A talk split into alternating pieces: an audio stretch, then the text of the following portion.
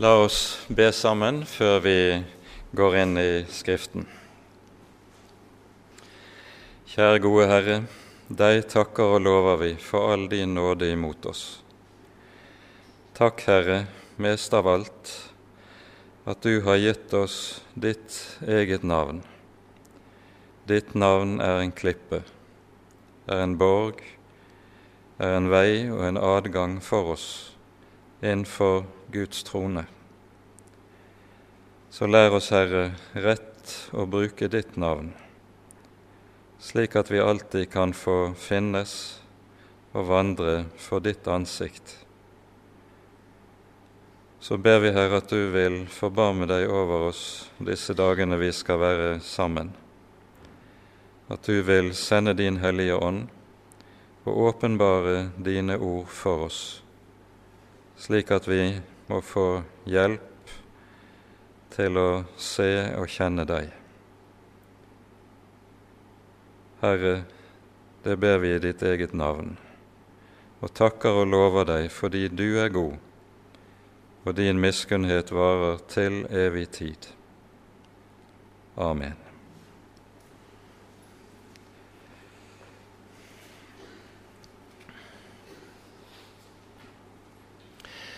Når vi har som overskrift på denne første bibeltimen 'Bønn i Jesu navn', så er jo det fordi dette er det som fremfor noe annet er det grunnleggende kjennetegn på kristen bønn, og skiller kristen bønn fra all annen bønn, fra bønn i alle andre religioner. Dere vet alle godt at bønn er noe som finnes i alle religioner. Men eh, dette er altså det som er særegent for den kristne tro. Det er nettopp bønnen i Jesu navn. Og Da er det viktig også å være klar over at med dette uttrykket så menes det noe langt, langt mer enn bare det at vi har en sluttformel når vi skal avslutte våre bønner. Det er jo ofte at vi slutter vår bønn med å si 'Det ber vi, Herre, i Jesu navn'. Ja, det gjør vi, men det er altså noe langt mer enn en formel. Det at vi skal få lov til å be i Jesu navn, det er en veldig gave som Gud har gitt oss. For med dette så understreker Skriften det som er selve grunnlaget for at vi i det hele tatt kan tre frem for Gud. Det at vi i det hele tatt skal få lov til å ha adgang til Gud. For det er ingen selvsagt ting. De aller fleste mennesker vil vel tenke som så at ja, skulle ikke Gud høre bønn? Det måtte vel være det mest selvfølgelige av alt hvis man i det hele tatt mener det finnes en Gud. Men slik Skriften taler om hvem Gud er, så er dette langt fra en selvfølge. Dette er angitt for oss allerede på syndefallets dag idet våre to første forfedre, Adam og Eva etter fallet, vises ut av hagen. Og så står det at Herren ved inngangen til hagen satte kjerubene med det luende sverd for å vokte adgangen til livets tre. Og med dette ble veien stengt veien tilbake til Gud, veien til himmelen, veien til fellesskap med den levende Gud. Og det er den allmektige som i sin hellighet gjør nettopp dette. For synd og fall lukker mennesket ut fra fellesskap med Gud og ødelegger adgangen inn til den hellige. Derfor er det at Gud hører bønn, langt fra en selvfølge. Det er snarere ut fra slik Bibelen taler om hvem Gud er, en selvfølge at han slett ikke skulle høre, at han heller skulle vende det døve øret til noe vi også ser tydelig bekreftet for oss gjentatte ganger oppover gjennom Israels historie, der Herren sier til folket, 'Jeg vil ikke høre'. Deres mange synder har stengt veien, slik at jeg ikke kan, verken kan eller vil høre. Ja, slik taler Skriften om hvem Gud er, og også sant om hvem vi er. Så når Gud sender sin Sønn og gir oss denne rett å komme til ham i Jesu navn, så gjør han et veldig under. Jesus sier i Johannesevangeliets tiende kapittel disse meget enkle ordene. Jeg er døren. Den som går inn gjennom meg, han skal bli frelst. Og Når Jesus bruker dette uttrykket om seg selv, 'Jeg er døren', så sier han dermed at i ham blir den veien den adgangen som ble stengt ved fallet, nå er den åpnet. Nå er det åpnet vei inn for den levende og hellige Gud. Og så handler det om dette å gå gjennom denne dør. Det gis ingen andre dører. Det gis ingen andre veier innenfor den levende Gud enn gjennom denne dør. For når Den allmektige stenger veien på fallets dag, så stenges veien på en slik måte at adgangen, eller døren, bare kan åpnes fra innsiden. Det gis ingen mulighet for oss å sprenge oss vei gjennom denne døren fra utsiden. Det Gud gjør når Han sender sin sønn, det er nettopp at han åpner opp døren fra innsiden. Åpner den opp på vid gap for at syndere skal få lov til å tre inn og bli frelst, med alt hva det innebærer og betyr. Denne saken understrekes på flere måter for oss ellers også i Det nye testamentet. I Efeserbrevets tredje kapittel sies det om eh, den Herre Jesus at vi leser Efeserne 3,12. I ham, altså i den Herre Jesus, har vi frimodighet, og ved troen på ham har vi adgang med tillit. Adgangen er åpnet, veien er fri.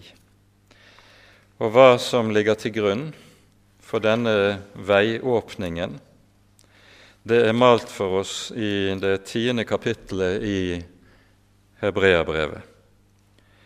Her sies det slik ifra det nittende vers.: Brødre, vi har altså i Jesu blod frimodighet til å gå inn i helligdommen, til den har Han innviet for oss en ny og levende vei gjennom forhenget.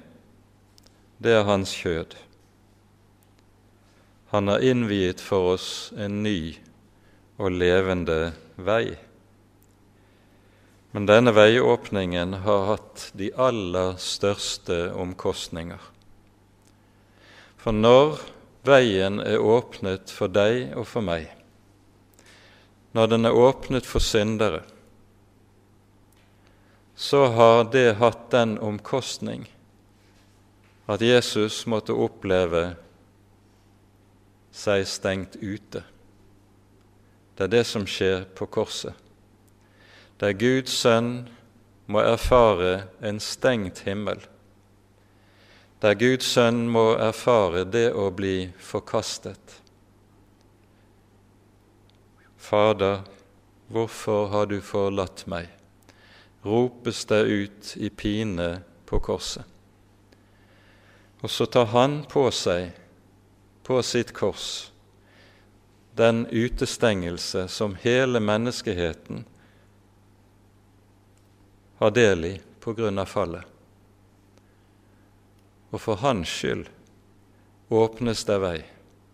For hans skyld åpnes det adgang. For hans skyld har Gud lovet 'Jeg vil høre'. Det er dette som er grunnlaget når vi taler om å be i Jesu navn.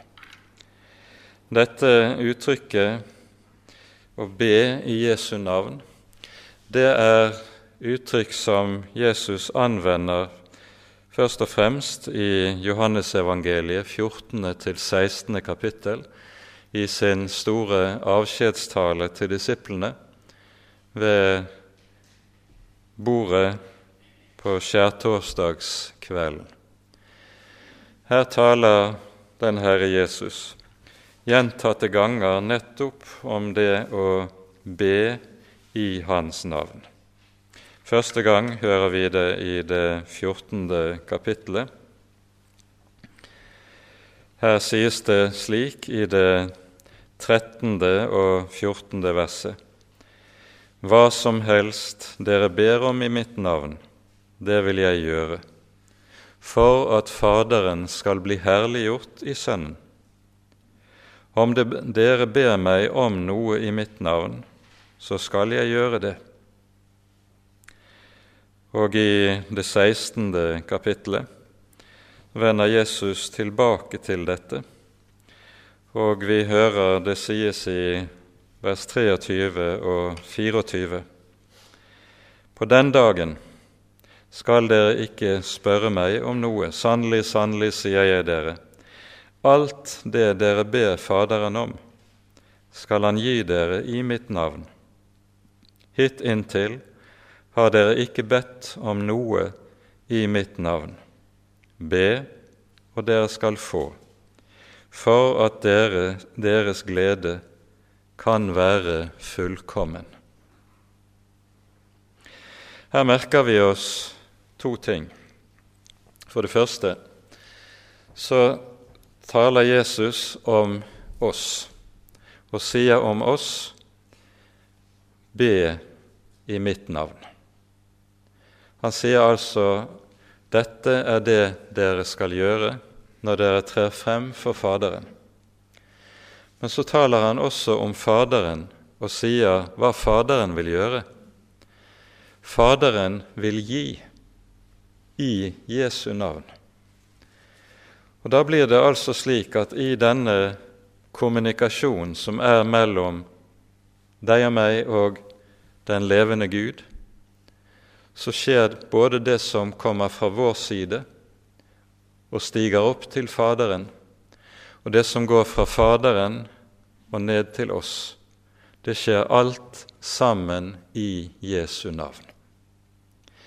Gud handler med oss i Jesu navn og han handler aldri med oss uten det, annet enn i vrede. Dersom Gud handler med oss, eller ikke handler med oss i Jesu navn, da er det i harme og i vrede, da er vi under loven.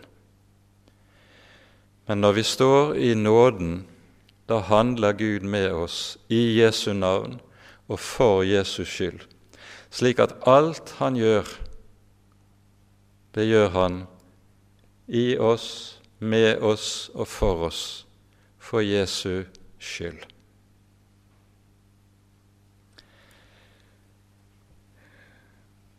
Dette er det som er det grunnleggende svar på store, det store spørsmål. Hvilken grunn skulle Gud i det hele tatt ha til å høre våre bønner?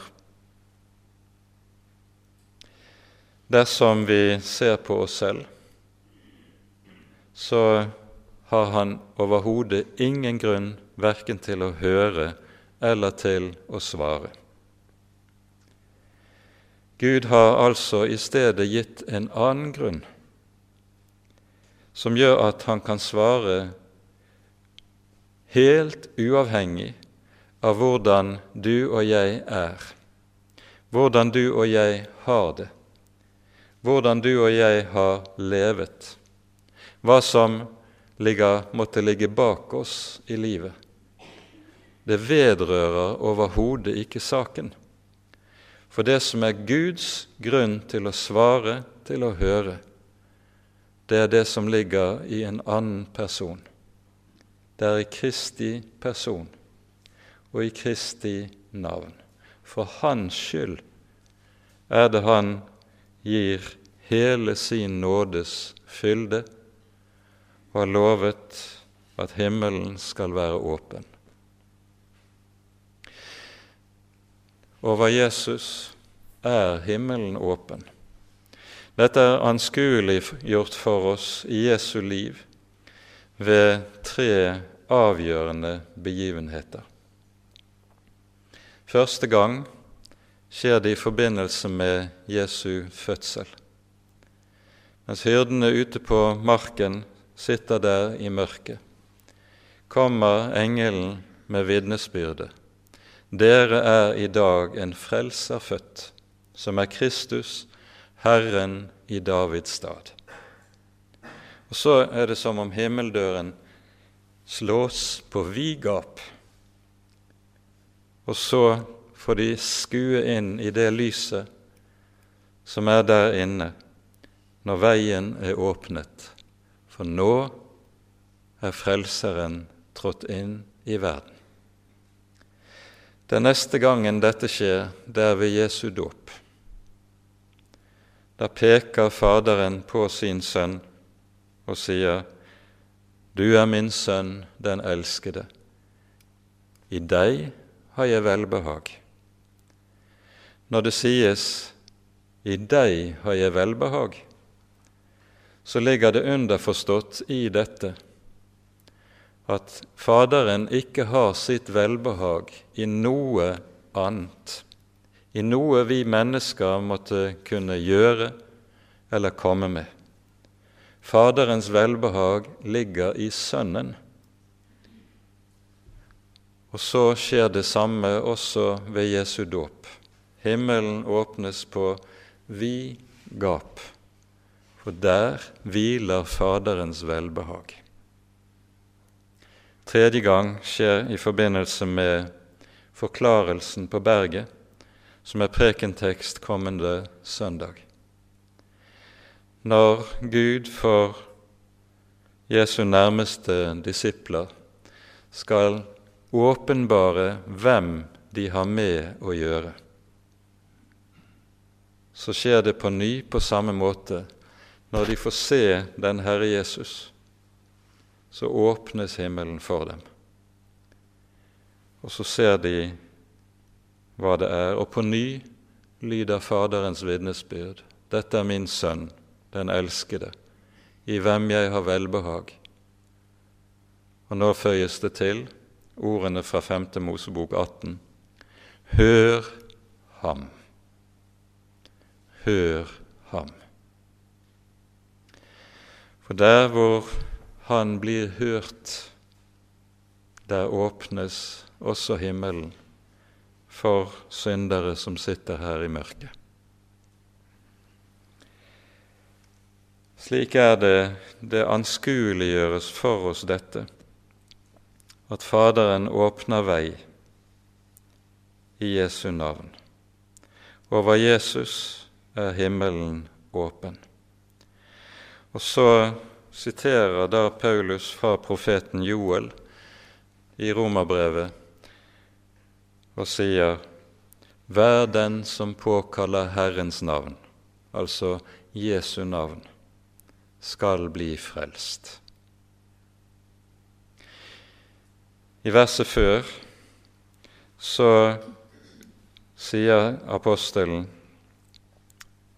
når han taler nettopp om bønnen og påkallelsen, at Gud er rik nok for alle som påkaller Hans navn. Gud er rik nok. Og Med det så føres vi inn på et annet viktig område som henger uløselig sammen med det vi nå taler om. Når Jesus her i Johannesevangeliet sier, som vi har hørt det, be, be i mitt navn, så bruker han et eget ord for bønn på gresk. I gresk språk og i hebraisk språk så finner vi flere ulike begreper for bønn. Her bruker Jesus et eget ord, aitia på gresk, og det betyr bokstavelig å tigge. Det betyr å tigge. Å tigge er det den gjør som intet har til livets opphold, som mangler alt, og som er hjelpeløst avhengig av å få utenfra det han trenger, selv for det mest grunnleggende til livets opphold. Det å be, det er i denne forstand nettopp å tigge. Det er å vite med seg selv at når jeg kommer inn for Faderen, så står jeg der med tomme hender. Det er ikke tilfeldig at Jesus innleder bergpreken som hvor han nettopp underviser meget om bønnen. Der innledes bergpreken med ordene 'Salige er de fattige i ånden', for himlenes rike er deres.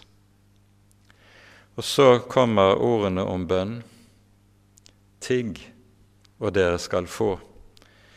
Ordene i eh, Matteus 7, som står som overskrift for bibelhelgen, og som i våre bibler er omsatt altså med 'be, og dere skal få', det er nøyaktig samme ordet, å tigge, som anvendes i grunnteksten. Ellers i Det nye testamentet så anvendes ofte et mer skal vi si, formelt begrep for bønnen, som handler om det å be i allmennhet, sånn som man gjør det f.eks. i gudstjeneste eller på ordnet vis på ellers. Men å tigge, det er det den gjør som er i nød som føler han står på bar bakke, som ikke vet hvor han skal vende seg for å få hjelp. Be, og dere skal få. Og nettopp denne sort bønn møter vi på ny og på ny gjennom Den hellige Skrift. Vi skal ta for oss et par eksempler på det. Det første eksempelet finner vi i Første Mosebok, kapittel 32. Her eh, er situasjonen den at Jakob eh, er på vei tilbake til Israels land. 20 år har han vært i Mesopotamia hos, og gjort tjeneste hos Laban. Dit måtte han flykte fordi Esau hadde sverget å drepe ham, fordi Jakob jo hadde bedratt han og hans blinde far for velsignelsen. Så når Jakob drar av gårde og ender opp hos Laban, så flykter han for livet. Nå står Jakob på østsiden av Jordan og skal krysse og vet at på den andre siden venter Esau. Og han har fått melding fra sine speidere. Esau kommer imot ham med 400 mann. Han har all grunn til å frykte.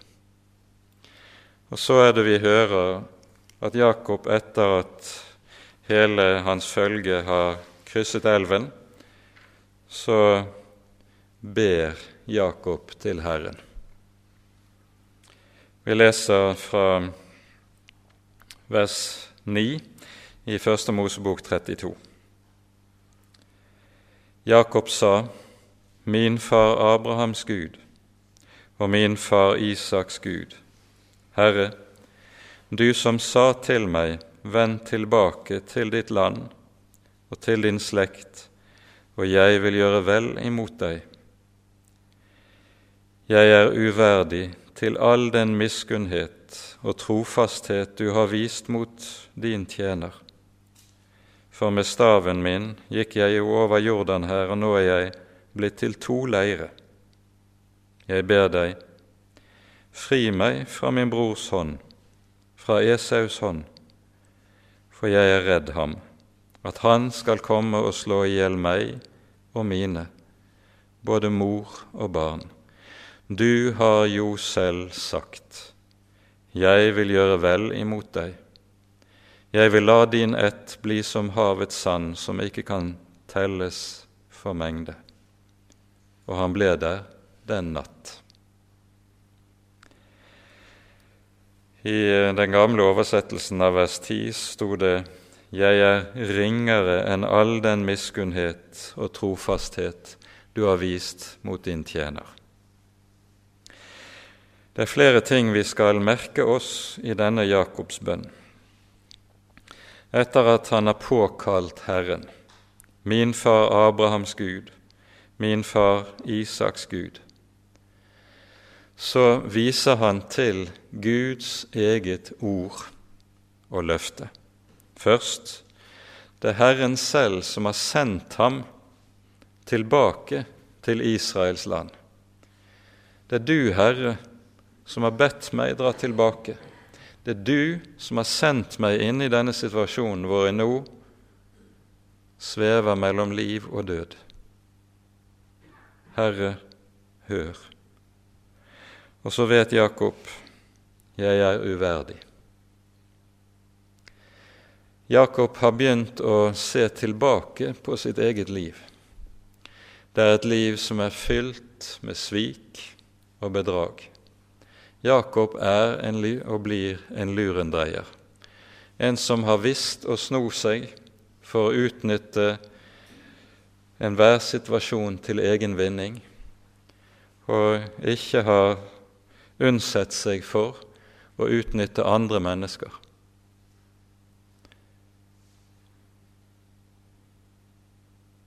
Jakob er sannelig ingen from mann. Han kan ikke basere sin bønn på at han har levet et hellig liv, for det har han ikke. Tvert om. Han har levet et liv som slett ikke tåler dagens lys, som vi ville si det. Jeg er ringere enn all den miskunnhet og trofasthet du har vist imot din tjener. Og så appellerer Jakob til slutt til Guds løfte i vers 12.: Du har jo selv sagt, jeg vil gjøre vel imot deg. Her kommer en som er en tigger. Og hva er det han har å be om? Hva er det han har å appellere til? Guds eget løfte. Intet annet men heller intet mindre.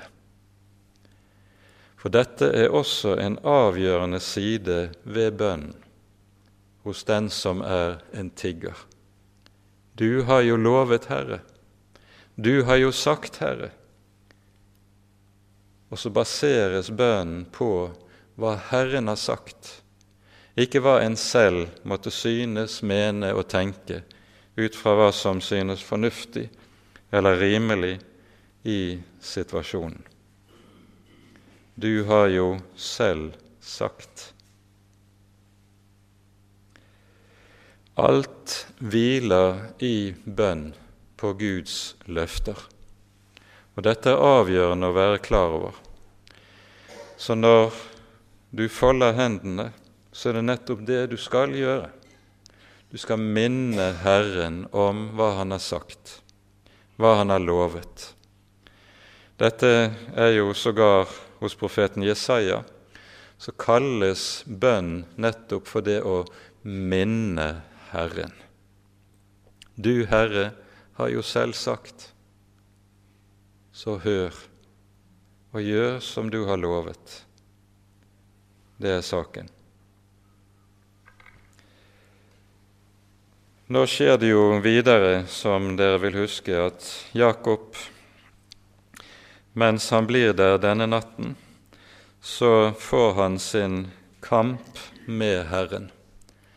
Det står der kom en og kjempet med han om natten. Og eh, når det er formulert på den måten som det er, vi leser videre i dette avsnittet eh, Vi leser fra vers 24. Jakob ble så alene tilbake. Da kom der en mann og kjempet med ham helt til morgenen grydde. Da mannen så at han ikke kunne overvinne ham, rørte han ved hofteskålen hans, og Jakobs hofteskål gikk av ledd mens han kjempet med ham. Og han sa, Slipp meg, for morgenen gryr. Men Jakob sa, Jeg slipper deg ikke uten at du velsigner meg. Han sa til ham, Hva er ditt navn? Han svarte Jakob. Han sa, Du skal ikke lenger hete Jakob, men Israel, for du har kjempet med Gud og med mennesker og vunnet. Og så hører vi på morgenen, når Jakob, når dagen gryr Jakob kalte stedet Pniel, som betyr Guds ansikt. For, sa han, jeg har sett Gud ansikt til ansikt og berget livet. Og solen rant. Denne underlige fortellingen er hele Jakobs liv like som samlet i et nøtteskall. Til å begynne med så forstår ikke Jakob hvem det er han har å kjempe med. Hele Jakobs liv har vært en eneste sammenhengende kamp mot Gud. Jakob ville klare seg selv. Jakob ville selv sørge for å greie seg, sørge for sin livslykke og sin fremtid. Og Herren har aldri sluppet til. Nå er det at Herren kommer og strider med ham i ordets bokstavelige forstand. Og så sies det da Herren så at han ikke kunne rå med ham, slo han ham på hofteskålen, så hoften gikk av ledd. Og Dette er Jakobs liv i et nøtteskall. Gud kunne ikke rå med Jakob. Jakob var en stribukk. Og så er det bare ett å gjøre. Han slår ham på hoften, hoften går av ledd. Når du er i kampsituasjon, da er du slått ut. Da ligger du der. Da er du forsvarsløs. Da er det intet du kan gjøre mer. Og så gjør Herren som om han nå vil forlate ham. Men nå skjønner Jakob hvem det er han har med å gjøre. Og så sier han, 'Jeg slipper deg ikke uten at du velsigner meg'. Hele Jakobs liv hadde handlet om at han selv hadde forsøkt å sørge for alt som kalles for velsignelse. Guds velsignelse var avhengig av hans egen innsats, hans egne kloke beregninger. Slik har han tenkt gjennom hele livet. Nå kan han ikke gjøre noe til eller fra. Nå er han hjelpeløs. Og så skjønner han i sin hjelpeløshet er han nå for alvor blitt avhengig av Herren. Nå makter han ikke selv. Men Herren kan ikke velsigne Jakob. Hvorfor? Før dette spørsmålet stilles hva er ditt navn? Og med et sånt spørsmål så menes det jo ikke bare det at Gud så å si ikke vet hva han heter. Gud vet jo meget godt hvem Jakob er. Men navnet er i Bibelen alltid innbegrepet av hvem en person er. Hans karakter, hans personlighet, hans, livs, hans liv likesom i en sum. Navnet mitt er Jakob, og Jakob betyr 'den som holder i hæl', den som er bedrager, den som vet å sno seg.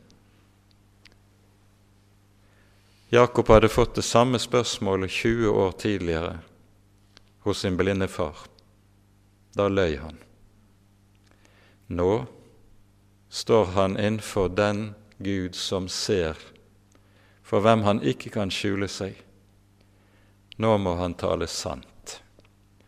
Og det tales sant for første gang i Jakobs liv.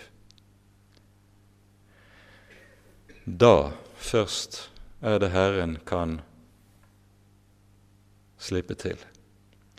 Nå gir Herren ham et nytt navn, og med det nye navnet følger en ny status innenfor den levende Gud. Og Senere i Skriften så sies det om Israel sammen med Jakob jeg, at Herren har kalt dem med sitt eget navn. Herren legger sitt navn på Jakob, og slik velsigner han ham. Han velsignet ham der, står det. Det er altså slik at når Jakob har lidd det endelige nederlag i sitt liv, virkelig blitt en tigger, da er det han vinner. Du har kjempet med Gud og mennesker og vunnet. For slik er det i nådens rike. Gud døder ved å gjøre levende. Han gjør rik gjennom å gjøre fattig. Han opphøyer ved å nedbøye. Dette er Guds stadige måte å arbeide på i sitt rike. Og så er det Han steller med oss, gjør oss små, for at vi skal bli avhengig av at Han er den Han er i sin storhet, i sin høyhet. Han gjør oss hjelpeløse for at vi skal bli avhengig av at Han, Han er Herren, vår hjelper. Han er vår styrke. Han lar oss mer og mer erfare og se vår egen skrøpelighet, vår egen synd, vår egen urenhet, for at vi mer og mer skal bli avhengig av at Han er den rettferdige, og at hans rettferdighet er min rettferdighet, min renhet og mitt liv.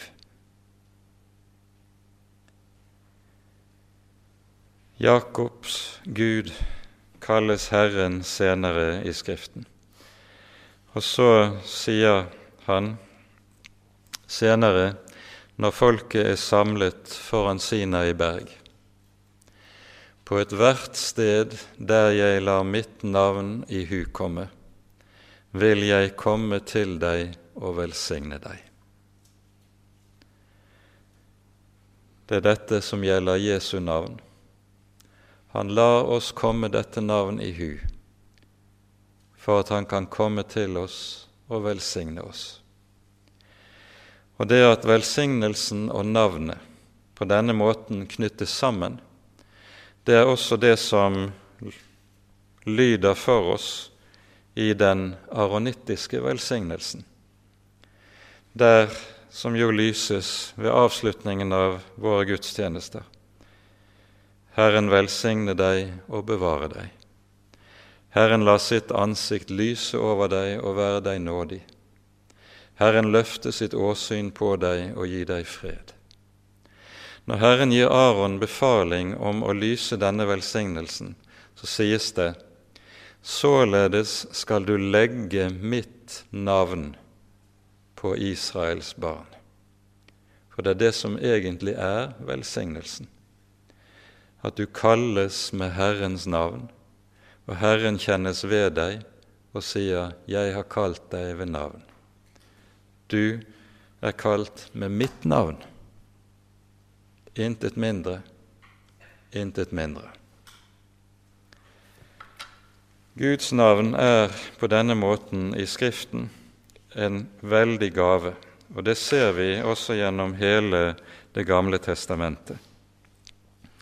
I Salomos ordspråk sies det i det 18. kapittel slik Herrens navn er et fast tårn, til det løper den rettferdige og blir berget. Og i eh, Salme 91, denne store salmen som handler om Guds omsorg, Guds beskyttelse, Guds nåde imot sitt folk, så sies det i det 14. verset Han henger fast ved meg, sier Herren, og jeg vil redde ham. Jeg vil sette ham på et høyt sted, for han kjenner mitt navn. Det å være et Guds barn, det er å kjenne Herrens navn. Og det sies gjentatte ganger i Salmenes bok Frels meg, Herre, ved ditt navn. For det er nettopp det Gud gjør ved sin Sønn. Han frelser oss ved Jesu navn, i Jesu navn. Og dette navn er noe langt mer enn bare en lyd som går over våre lepper. Når Jesus skal slik vi hører det i Johannesevangeliets 17. kapittel, sammenfatte sin undervisning av og sitt stell med disiplene gjennom de tre, tre og et halvt årene han har vært sammen med dem, så sier han i Dette er hans ypperste prestelige bønn. Jeg har åpenbaret ditt navn for de mennesker du ga meg av verden de var dine, og du ga meg dem, og de har holdt ditt ord. De har holdt fast på ditt ord. Jesu undervisning har handlet om dette forunderlige. Han har åpenbart Guds navn.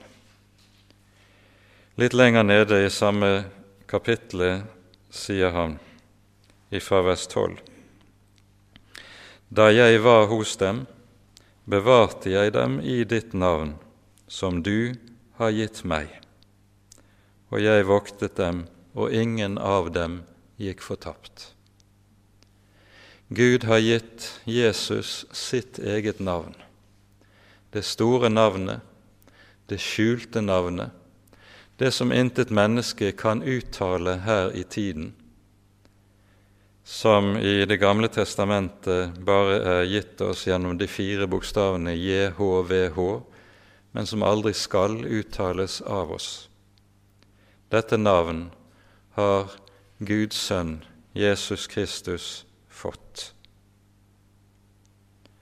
Og så sier Jesus ved avslutningen av den ypperste prestelige bønnen videre.: Jeg har kunngjort ditt navn for dem, og jeg skal fortsatt, fortsatt kunngjøre det for at den kjærlighet som du har elsket meg med, skal være i dem og jeg i dem. Dette er ord som vi aldri fullt ut kan gripe rekkevidden av.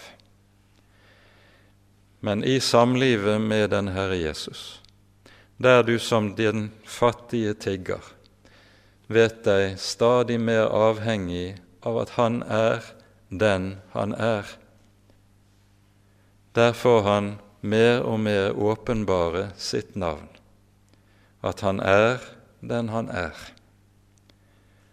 Og dette har et formål fra hans side sett, som vi hørte det, for at den kjærlighet som du har elsket meg med, Altså den kjærlighet som Faderen elsker Sønnen med fra evighet til evighet. den kjærlighet skal være i dem, i deg og i meg. Vi som er små og fattige tiggere og aldri blir noe annet. Vi får del i denne kjærlighet som er av evighet og til evighet, og slik drar den treenige Gud oss inn i sitt eget felles liv mellom Faderen, Sønnen og Ånden. Å forstå dette er meg forunderlig. Det er for høyt, jeg makter det ikke. Men likevel, dette er det Herren drar oss inn i for at vi skal kjenne Hans navn, og så forbli kjent av Ham som Hans barn. Ære være Faderen og Sønnen og Den hellige ånd, som var og er og være skal en sann Gud, høylovet i evighet. Amen.